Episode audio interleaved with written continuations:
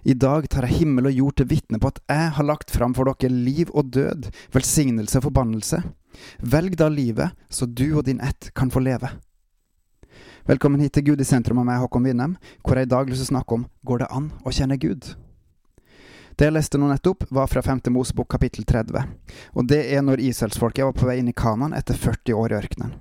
Moses fikk ikke lov til å bli med inn pga. synd, og Josva, en ny ett generasjon, skal da få lov til å komme inn. Igjen så minner Gud de på om velsignelsen og forbannelsen, alt etter om de velger å følge Gud og Hans ord eller ikke.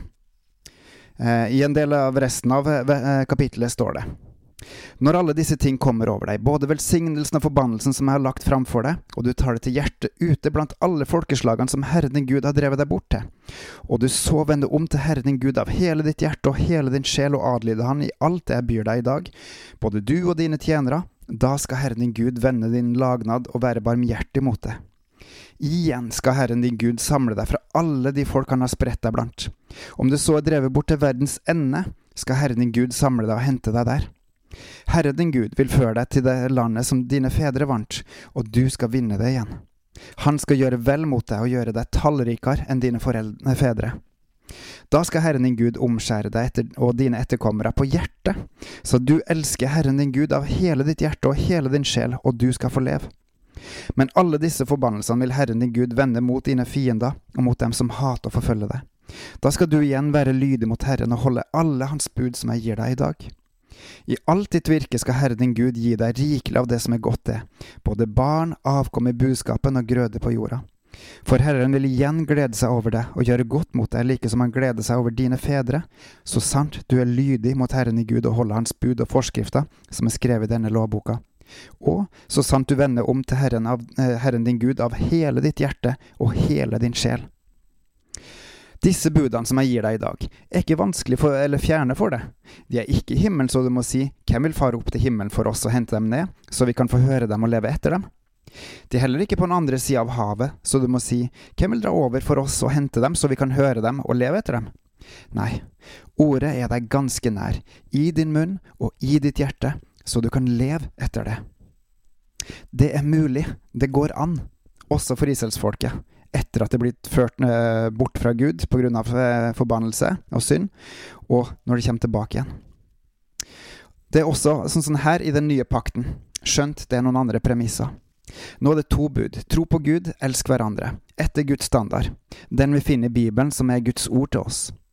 Han ga oss sin sønn for at vi skal bli hans adopterte barn, noe som står i både Romerne 8 og Galaterne 3. Tenk, vi er Guds arvinger, vi eier det samme som Gud, fordi Han elsker verden så høyt at Han ga sin eneste sønn, for at hver den som tror på Han skal bli frelst. Dette er tilgjengelig kun ved å tro i sitt hjerte og bekjenne med sin munn at Jesus er Herre. Da blir du Guds adopterte sønn, datter. Gud er vår far, og han elsker oss. Og da må vi følge han og det han sier. Mer relevant fra kapittel 30 i 5. Mosebok er Se, i dag har jeg lagt framfor deg livet og det gode, og døden og det vonde.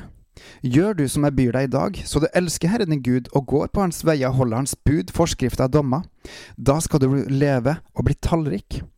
Herren din Gud skal velsigne deg i det landet du går inn i, og legge under det.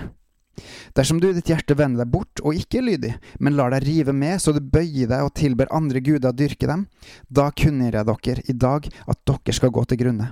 Dere skal ikke få leve lenge i det landet dere drar inn i, og legge under dere når dere går over Jordan.